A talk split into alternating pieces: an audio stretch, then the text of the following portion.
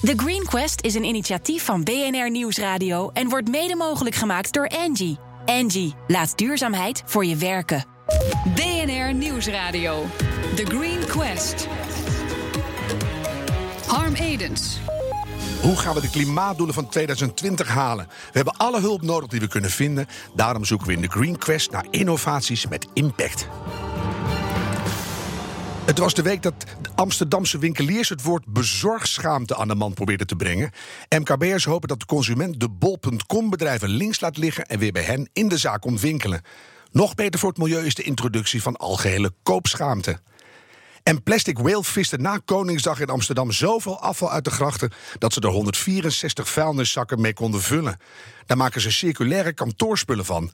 En die kunnen we volgend jaar weer in de gracht gooien. Het was ook de week dat energiereus Vattenfall een hoop kritiek kreeg omdat hij in Diemen een biomassacentrale wil bouwen. Jan Ros is onderzoeker van het Planbureau voor de Leefomgeving, waar ze strategische beleidsanalyses maken voor milieu, natuur en ruimte. En Jan kan ons een hoop duidelijkheid geven, dat hoop ik tenminste, over de mogelijkheden en onmogelijkheden van biomassa. Jan, ik kijk je meteen dringend aan. Wat is duurzame biomassa eigenlijk? Duurzame biomassa is biomassa dat als je die gebruikt, dat er niet meer broeikasgas in de lucht komen, maar dat er echt minder broeikasgas in de lucht komen. En dat is niet vanzelfsprekend, want als je bij wijze van spreken een groeiende boom zou kappen, en die meteen gaat opstoken, dan heb je duidelijk in de eerste fase een heel lange, voor een heel lange tijd meer. Ondanks dat die boom teruggroeit. Ja, dus als je dan even naar zo'n zo'n biomassacentrale kijkt, daar worden bomen toch uh, opgefikt. Um, is daar netto winst?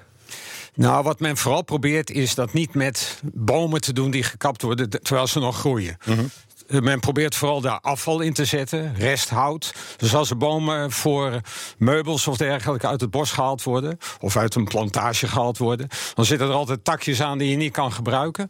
Nou, men zegt vooral dat soort takjes te gaan gebruiken en dat is het duurzamer. Ja, duurzamer, maar je stookt ze op, dus er komt weer CO2 vrij. Ja. Als je dat vergelijkt met fossiele brandstof, hebben we dan toch nog winst? Direct waar het verstookt wordt, is het alleen maar slechter. Kijk, een, advocaat zou dan zeggen: no more questions. Weet je, maar we gaan er wat langer op door. Eerst even dat, dat aanbod van die duurzame biomassa. En daar wordt zo dik over gedaan. Hoeveel uh, biomassa heeft een, een, een energiecentrale nodig? Bijvoorbeeld eentje. Nou, veel. Ik, ik weet de getallen niet en dan kan je petajoule bijzetten hoeveel ja. het precies nodig is. Dat zijn, maar je hebt veel nodig. Uh, je hebt meer nodig nog dan gas of kolen. Oh. Want biomassa is een inefficiëntere brandstof. Ja, het is minder, minder uh, energie in, ja. in het hout zelf. Hè? En daarom komt er ook meer CO2 uh, vrij bij per eenheid warmte of per eenheid elektriciteit die je produceert. En nou staat er in het klimaatakkoord van deze regering een hoop over biomassacentrales. En er komen er meer dan één, hè? weet jij hoeveel? Nou, ze hadden het vanmorgen op de radio er nog over. Uh, twintig jaar nog bij en er staan er al meer dan twintig. Dus ik denk dat de halve Veluwe moeten we erin flikkeren nu. Ja, en dat baart ook wel zorgen. Dat, dat er zoveel verbrandingsinstallaties nu bij komen. Terwijl wij, wij maken soms ook plaatjes van hoe moet het er dan in 2050 uitzien. Ja. Als je een duurzaam beeld wil hebben, mm -hmm. hoe moet je dan met biomassa omgaan? Moet het dan niet al lang weg zijn? Nou, dan kan je nog steeds biomassa gebruiken. Sterker nog, je hebt eigenlijk biomassa nodig om dan tot een oplossing te komen. Maar als je dan die biomassa direct gaat verbranden en daar niks mee mee doet, mm -hmm. dan wordt het nooit duurzaam. Nee, daar moeten we het zomaar wat uitgebreider over hebben. Ik hoor ook vaak, we, we kunnen het in Nederland, een klein landje, veel druk op allerlei voorzieningen, kunnen we niet al die biomassa uh, zelf produceren. Dat halen we uit het buitenland. Is dat een oplossing? Nou, als wij een groot aandeel biomassa in de oplossing voor de lange termijn willen hebben, dan zullen we ook moeten importeren. Want wij hebben zelf inderdaad niet zoveel biomassa. Nee, maar de laatste keer dat ik hoorde dat we dat deden, ging het over oerbos uit Amerika, herinner ik mij. Ja, en dat willen we niet en dat wil niemand. Wie controleert dat? Dan gaan we het importeren. Dat is het grote probleem. We zijn het in Nederland wel eens over wat we duurzaam vinden. Mm -hmm. Maar het is nog best lastig om dat echt te handhaven, om dat echt te controleren. Want dat komt, die biomassa komt overal vandaan. Ja. En het, het controlesysteem is moeilijk zodanig in te richten dat daar niks doorheen slipt. Dus stel dat we dat al doen, dan moet daar ook een flink tandje bij, denk ik. Ja. Daar moet zeker een tandje bij. Nou heb je ook echte tegenstanders van die biomassacentrale... en die noemen het een, een superhoutkachel. Zo'n grote centrale. Ja. Ja, het is gewoon direct verbranden van biomassa. Maar als dus een kabinet een plan maakt hè, voor de toekomst, iedereen is ermee bezig, we willen veranderen, het moet fossielvrij. Hoe kan het dan dat er zo'n groot verschil van mening is over ene kant het kabinet en alles wat daarbij hoort, van biomassacentrales goed, zetten we op in, wordt meer. En de andere kant is helemaal verkeerd. Ja, nou, Nou, dan ben jij. Ja, het voordeel van, van biomassa voor het beleid is dat eh, daarmee vaak de beleidsdoelen snel in beeld komen. Mhm. Als je een hernieuwbaarheidsdoel hebt, dat hebben we in Nederland, telt biomassa lekker mee. Als je een emissiedoel hebt waar we, emis- waar we het biomassa verbranden, telt het als emissie nul Ja. omdat het in een cyclus is en in het buitenland ergens wordt die CO2 opgenomen. Terwijl er keihard ook uitstoot is. Terwijl er hier wel op zich wel uitstoot is. Maar Ja. het wordt als nul gerekend, omdat wordt gezegd... ja, ergens anders wordt dit weer opgenomen, dus dan is het een cyclus. Ja. Alleen die cyclus is niet binnen een jaar. Hè. Die bomen groeien veel langzamer. Nog meer binnen 100 jaar. En dan hebben we al zo'n groot Dat klimaatprobleem. kan, Dan, dat eh, kan. En als je een snel groeiende gewas maar dan wordt het meer een landbouwteelt. Dan Ja. heb je weer te maken dat, dat daar geen biodiversiteit meer is. Dat je ook meer landbouwgrond moet hebben. Daarvoor verdwijnt er ook weer vaak natuur. Dus dat is ook al in het nieuws geweest in het verleden. Je kijkt steeds minder vrolijk, Jan. Mag dat eigenlijk wel als je bij het planbureau zit? Nou, er zijn ook positieve kanten aan biomassa. Ik, ik zeg wel eens, het, het, het mooie van biomassa is... ten opzichte bijvoorbeeld van zon en wind... Ja. dat het ook CO2 uit die lucht haalt. Op den duur. Nou ja, als het groeit. Ja. Nou, en als je het nou zo weet te benutten... dat die koolstof die dan uit die lucht gehaald is... bij het gebruiken van niet meteen terugkomt in de lucht... Dus jij bedoelt, je kan het hout gebruiken. Dat is eigenlijk een hele goede manier om eh carbon uit de lucht te vangen. Maar dan moeten we het niet meer opstoken. Dan moeten we het niet direct opstoken. Ja. En als je het al zou stoken, dan moet je de CO2 daarbij afvangen en opslaan. Mhm. Maar nog beter is manieren te zoeken om die koolstof die in die biomassa zit... ook zo goed mogelijk te gaan gebruiken. Ja, als je, dat, als je dat anders gaat doen, hoe zou je dat kunnen aanpakken dan? Want Nou, dan ga je het niet opstoken, maar dan doe je iets nee, anders. Dan heb je bijvoorbeeld installaties nodig die die biomassa, ik noem het maar, vergassen. Dan Mhm. maak je er een soort aardgas van. En wat hebben we daaraan in vergelijking met verbranden? Nou, dat is een veel schonere brandstof. Gas is een veel schonere brandstof. Dus als we die gaan gebruiken, dan hebben we sowieso al bij het gebruik iets schoners. En de CO2 die daarbij vrij zou komen, kun je ofwel opslaan, ofwel samen met hernieuwbare energie ook nog omgezet, omzetten in methaangas. Dat is eigenlijk een veel slimmere manier. Dat is een veel slimmere manier. Maar dat is innovatief. Dat is, die technologie is nog in ontwikkeling. Mhm. Dat is ook duurder. En we zijn in Nederland nogal van het kostenefficiënt. Ja. Dus het goedkoopste moet het eerst. En daarom gaan we allemaal verbranden. Maar als het goedkoopste nou iets is wat eigenlijk... Ja, ik, ik noem het bijna door jouw informatie nu greenwashing. Hè? Dus het kabinet maakt een akkoord wat eigenlijk gewoon aan de buitenkant groen is... maar van, van binnen diep donker, donkerbruin. Ja, maar dan luisteren ze gelukkig ook wel naar het planbureau en Ja. wat we daarover zeggen. Want ik weet, ze, hebben ons nu gevraagd om samen met de CERN een wat groter onderzoek te doen. Hoe het Oh. nou in elkaar zit en waar ze naartoe moeten. Ik heb al wat boze mensen eh, aan mijn bureau gehad die zeiden: ja, jullie als PBL zijn tegen biomassa-ketels, tegen verbranden. Maar, maar wij willen toch ook een markt voor biomassa. Dat is toch goed voor de duurzaamheid? Nou, ja, dat spanningsveld is er al. Dus wij, wij gaan ermee aan de slag om dat beter te maken. En we merken ook wel dat er wel geluisterd wordt. Mhm. Maar het, men vindt het wel lastig, want men heeft ook een korte termijn beleidsdoel. Ja. Ja, en dan is het makkelijk om het gewoon te verbranden. En dan heb je meteen die emissiereductie. En Maar we, we weten toch, de één no free rides in life, Jan. Dus makkelijk is er eigenlijk nooit. Nee, nee, makkelijker is het niet. En, en dit verhaal, nou, als je naar een echt duurzaam systeem op de wat langere termijn wil, dan zul je van die innovatieve technologie gebruik moeten maken. Ja. En zelfs de mensen van eh, Vattenval, die zeggen ook, ja, dit is dan een tussen, dat verbranden is een tussenoplossing. Bestaat dat eigenlijk, tussenoplossing? Want dan moet je zulke dure installaties bouwen... die moeten weer 30 jaar mee minstens. Ja, nou, dat, eh, precies. En over 30 jaar willen we al dat duurzame systeem hebben. En ik dacht over langzamerhand- 10 jaar, want dat is ongeveer de komende 11 jaar zijn essentieel. Zo, eer, zo, zo snel mogelijk. Ja. Daarom begin ik wel een beetje terughoudend te worden met dat tussenoplossingen zoeken. Ik ben zo blij dat jij in dat planbureau zit. Ja, ik was eerst was je dankjewel. nog een neutrale gast. Nu denk ik, ik ben een neutrale journalist natuurlijk. En nu denk ik, goh, je hebt er echt verstand van. Zijn er andere manieren om biomassa eh, hoeveelheid sneller op te kweken? Kan dat op een andere manier? Nou, er wordt ook wel gezocht naar nieuwe vormen van biomassa. Algenkweek of wieren die we kweken. Misschien als er straks op de Noordzee windparken staan... dat dat gecombineerd kan worden met wierenkweek. Of dat een succes gaat worden, is nog maar de vraag. Is nog wel afwachten. Technisch kan het, maar het moet ook betaalbaar eh, zijn. Ja. En eh, dit zijn van die dingen die hoor je vaak. En dan denk ik, nou, proof of the pudding is, laat het maar gebeuren. En eh, ja, voorlopig gebeurt het niet. Ik Dus, heb nooit wierpudding gegeten, jij wel? Nou, misschien is het niet eens... eh, nou sla je door. Maar goed, dat zou kunnen. Dus hebben we andere vormen. Ondertussen hebben we ook al wat hout nog. Wat, wat zijn de betere toepassingen daarvan? Kan je als je dat chemisch gaat omzetten in gas of misschien andere biofuels... op een veel betere manier toepassen ergens? Nou, wij denken dat je daar vooral moet toepassen waar je niet zonder die koolstof kan. En Dan denk ik de luchtvaart. chemische industrie of de luchtvaart. Ja, ja, ja. De luchtvaart zal over 30 jaar nog niet zonder kerosine kunnen. Ja. Dus daar, daar- die hebben een koolstofverbinding nodig. Ja, en als je van fossiel af wil, dan is de enige bron van koolstof is biomassa. Dus dan moet je de koolstof daarvoor in gaan zetten. Dus kijk vooral heel goed naar waar je, waar je geen andere oplossingen kan vinden. En ga het daar op een gegeven moment voor inzetten. Ja, dus dat, be- bewaar dat nou voor plekken waar het echt nodig is. Ja, ontwikkel de technologie daarvoor en uiteindelijk moet het daar dan toepassen. Dus moet je voor alle andere toepassingen, ook die alternatieven, ook snel ontwikkelen. En je houdt een hoop geld over, want je al die dure centrales niet te bouwen. Ja, nou, nou, ik neem een voorbeeld. Eh, er, er wordt nu wel gedacht, laten eh, vrachtwagens maar op bio, biobrandstof rijden. Dat is dan ook nul emissie voor die vrachtauto's. Maar Ja. op de lange termijn zullen we daar waarschijnlijk niet genoeg biomassa voor hebben.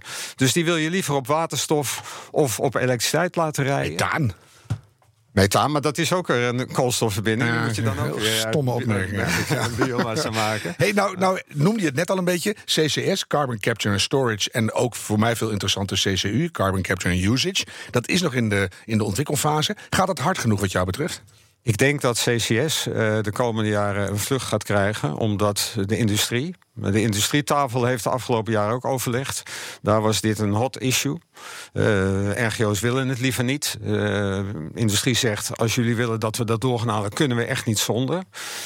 Beide hebben een beetje gelijk, denk ik. Eh, ik denk wel dat het gaat komen, dus de komende jaren. CCU zou toch mooi zijn? Het is gewoon grondstof. Je trekt het uit de lucht en je doet er weer iets mee. Ja, dat, dat is ook zo. Er komen ook wel voorbeelden dat we, eh, dat we in die richting gaan werken. Maar dat zal qua technologieontwikkeling iets meer tijd vragen. Ik denk dat het hele kabinet en alles eromheen nu luistert. Wat is je beste advies voor ze nu? Beste advies is: ga op een manier met biomassa om dat je eh, niet alleen die energie, maar ook die koolstof, dat je daar verantwoord mee omgaat. En dat je daar de toepassingen voor zoekt waar je anders geen alternatief, eh, schoon alternatief hebt. Ja. En eh, neem dan alleen maar duurzame biomassa, uiteraard. Oftewel, doe geen domme dingen, kabinet. Zo is dat. Dankjewel, Jan Ros. Onderzoeker van het Planbureau voor de Leefomgeving. Tot 2040 komen er in de regio Amsterdam een kwart miljoen woningen bij. Sea Creators wil hiervan minstens 40% circulair bouwen. Maar hoe? Dat hoor je zo. BNR Nieuwsradio. The Green Quest. Welkom bij deel 2. Elke week kiest ons Green Team uit alle aanmeldingen een bedrijf dat volgens hen een positieve impact maakt. En in juli kiezen zij de winnaar van de Green Quest Award. Zo klinkt de nieuwste innovatie in de Green Gallery. Wij hebben drie tracks ontwikkeld: de Get On Track, de Breakthrough Track en de Open Innovation Track. Wij hebben deze tracks ontwikkeld zodat organisaties een stap of een aantal vervolgstappen kunnen zetten in de transitie naar de circulaire economie.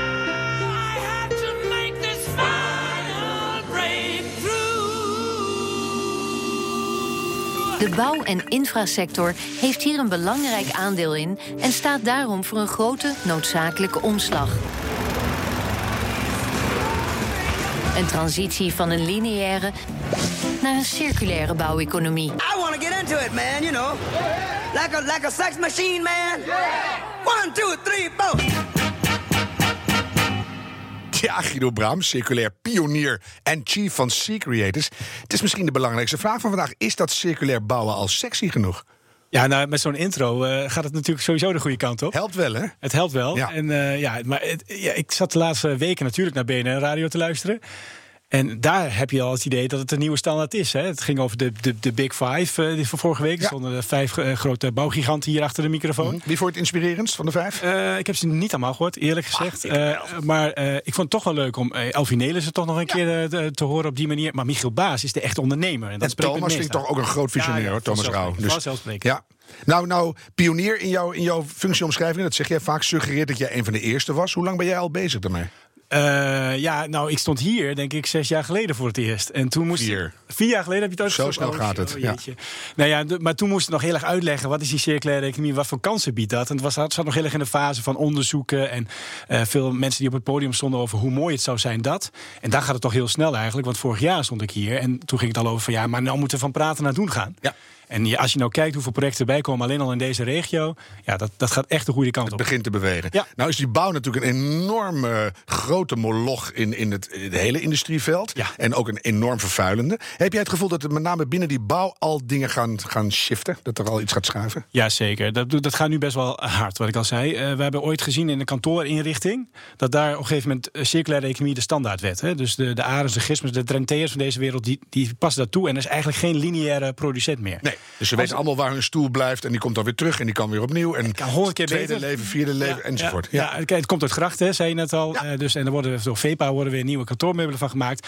En daar is de standaard geworden. En als dat ook in de bouw lukt, dan heb je natuurlijk... Ja, daar gaat de hele economie om. Want de bouw is echt wel goed voor 25 tot 40 procent van, eh, van onze economie. Mhm. Ja, precies. Nou kan je dat niet in één klap om, omturnen. Wat zijn de meest hoopvolle innovaties van dit moment die jij zo voor de geest hebt? Ja, we hebben dus dat bouwprogramma opgezet in de metropoolregio Amsterdam. En dat doen we samen met Haarlemmermeer, Amsterdam, Schiphol en En de opgave is ook echt van zorg er nou voor dat je hele grote vraagstukken in de markt zet.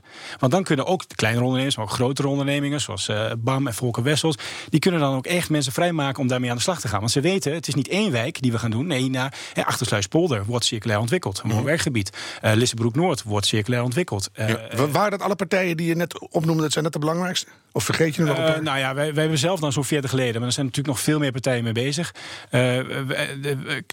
Er zijn heel veel bouwbedrijven nu al mee bezig. En wat je ziet is dat het allemaal nog een beetje in die pilotfase zit. Hè. Dus Belma Bias gaat BAM aan de slag. En nu gaan ze kijken, oké, we hebben heel veel geleerd hè, van Cirkel Amsterdam, van, van ABN AMRO. We hebben geleerd van Brummen. En nu gaan we het nog weer groter toepassen. Op zich, dat project is al circulair. Hè? Het was ooit een landje. Toen kwam er een bias in de jaren Ja. 70. Iedereen tegen. Ja. En, en nou wordt het langzaam weer iets heel moois. Ja, maar laten we daarvan leren, inderdaad. Dat je niet elke keer denkt van we gaan iets ontwikkelen en na 40 jaar moet het een nieuwe bestemming hebben. Als we nu iets ontwikkelen, ja, maak dan die, die buitenomgeving heel mooi en kwalitatief heel goed. Kijk, circulaire economie is gewoon een manier waarop je kwaliteit beloont. Het is een manier om partijen te belonen voor dat ze het feit dat ze in het begintraject al heel veel energie erin stoppen, maar misschien ook net ietsjes meer eh, ja, eh, kosten maken. om- Ja, nu nog wel natuurlijk. Dat, misschien uiteindelijk, als je het kan doorrekenen, wordt het ook weer goedkoper. Zeker. Nou, noemde je het net al, jullie bouwprogramma. Dat, dat brengen jullie ook in voor de Green Quest. Eh, eh, wat is het precies? Voor wie is het bedoeld? En, en wat doe je dan concreet feitelijk? Meetbaar. heel eh, dramatisch maakt. Het is voor ons allemaal bedoeld, hè, natuurlijk. Maar we willen die circulaire economie willen we de standaard maken. En wat we zagen is dat er heel veel op eilandjes eh, allerlei ontwikkelingen, ontwikkelingen waren. Dus een eh, gronduitgifte van Amsterdam was ontwikkeld. Maar provincie Noord-Holland deed dat ook. Zeg, laten we dan bij elkaar brengen. Maar laten we vooral zorgen dat we heel veel vraag creëren. Dus we hebben nu 22 projecten lopen. Van scholen tot en met wijken, tot en met de gebouwen van Schiphol. tot en met een museum, Krukjesmuseum. Het eerste circulaire museum in de wereld. En wat doen jullie dan? Nou ja, kijk, meestal begint het met dat partijen dan vraag stellen van... Ja, ik wil eigenlijk wel circulair eh, aan de slag, eh, maar ik weet eigenlijk niet wat het is. Mhm. En dat is vraag één. En een schoolgebouw bijvoorbeeld, eh, als, je- als je dat gaat herontwikkelen... als schoolbestuur eh, heb je daar al niet veel mee te maken, laat staan circulair. Dus de eerste vraag is, wat is nou eigenlijk circulair? Daar helpen we ze op weg. En ook wat breder te kijken. Dan ben je een kennisinstituut eigenlijk. Ja, en dan zorg je ervoor dat we niet alleen kijken naar CO2 en niet alleen kijken naar materiaal, maar ook naar biodiversiteit en klimaatadaptief. En dan neem je eigenlijk mee in voorbeelden te Mhm. laten zien van wat kan al. De volgende stap is van ja, dan moet je dus partijen in de markt vinden die je daarbij kunnen helpen.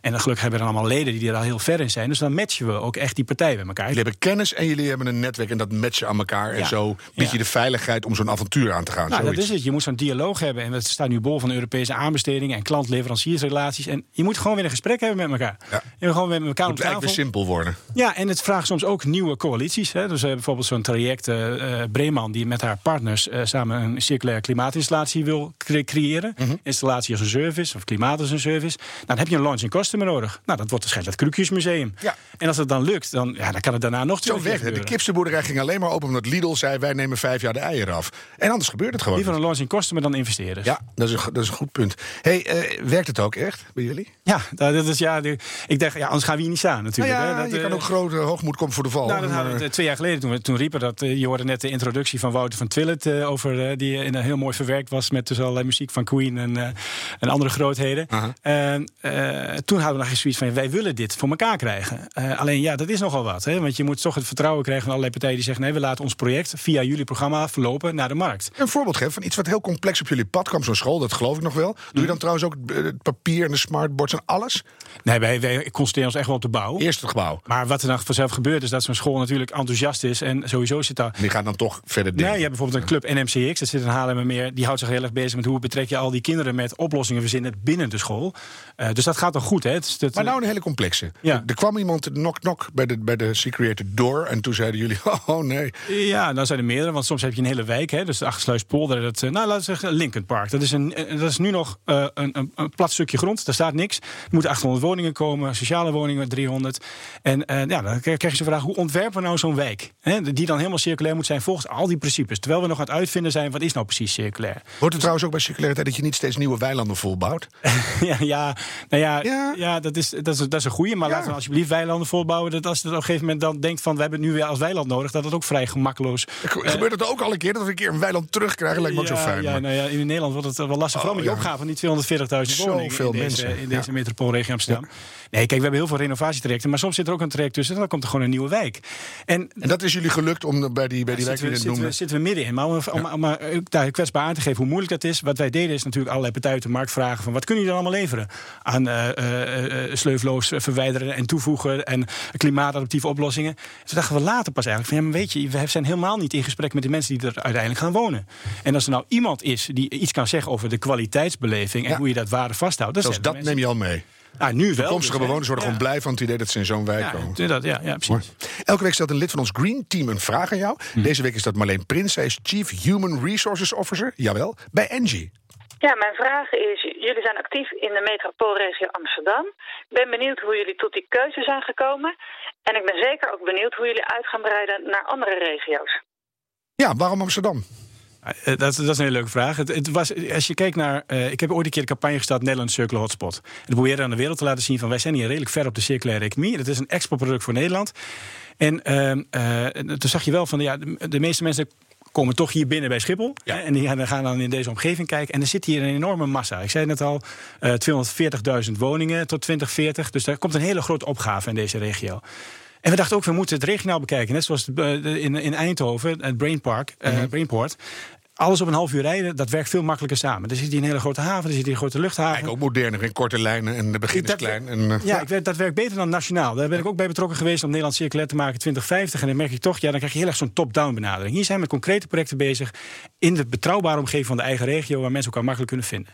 En dat loopt nu? Ja. Wat, wat klikt er hierna aan? Nou, wij doen dat samen met Cirkelstad. Die heeft een soort landelijke infrastructuur. Eh, eh, maar we hebben ook wel eens een keer bij het ministerie van Binnenlandse Zaken gezegd: van kopieer dit nou naar andere gebieden, want het werkt.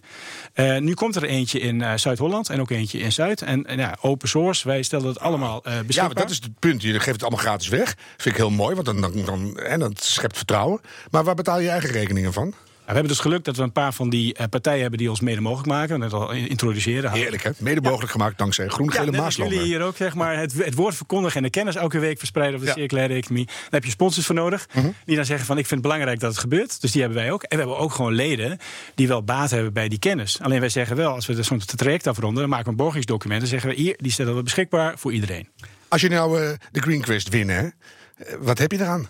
Dan gaan we juichen. En dan Dat ik reden ook. Maar, maar wat, wat helpt het jullie? Ja, ik denk dat het wel belangrijk in deze fase wordt dat we. eh, we hebben nu die 22 projecten en wij willen. Dat is onze drive. Hè, dus die prijs is niet onze drive. Onze drive is dat die circulaire economie de nieuwe standaard wordt. En daar moeten we echt nog wat voor doen met elkaar. Ik hoop dat het dan op die manier aandacht krijgt. En dat dit een nieuwe manier van een transitie wordt. We hadden het net al over transities en tussenoplossingen en dergelijke. Jan luistert ademloos ondertussen. Ja, Dus, ja, eh, ja. Je, doet het, je bent een goede ambassadeur van die circulaire economie. Ja, ja. Maar over tien jaar is die hele bouwsector circulair. Dan zijn jullie overbodig. Nou, dat zou mooi zijn. Ja. Daar hou ik je aan. Ja. Dankjewel, Guido Braam van Sea Creators. Circulair bouwen, dat kan maar niet snel genoeg. Wil je onze zoektocht naar de meest duurzame innovaties op de voet volgen? Luister dan elke week naar de Green Quest. En bekijk de Green Gallery, daar zitten jullie nu ook in, op ons platform thegreenquest.nl. De uitzendingen zijn ook terug te luisteren via de BNR-app en bnr.nl... of als podcast in iTunes en Spotify. En hey, doe het duurzaam. The Green Quest is een initiatief van BNR Nieuwsradio en wordt mede mogelijk gemaakt door Angie. Angie, laat duurzaamheid voor je werken.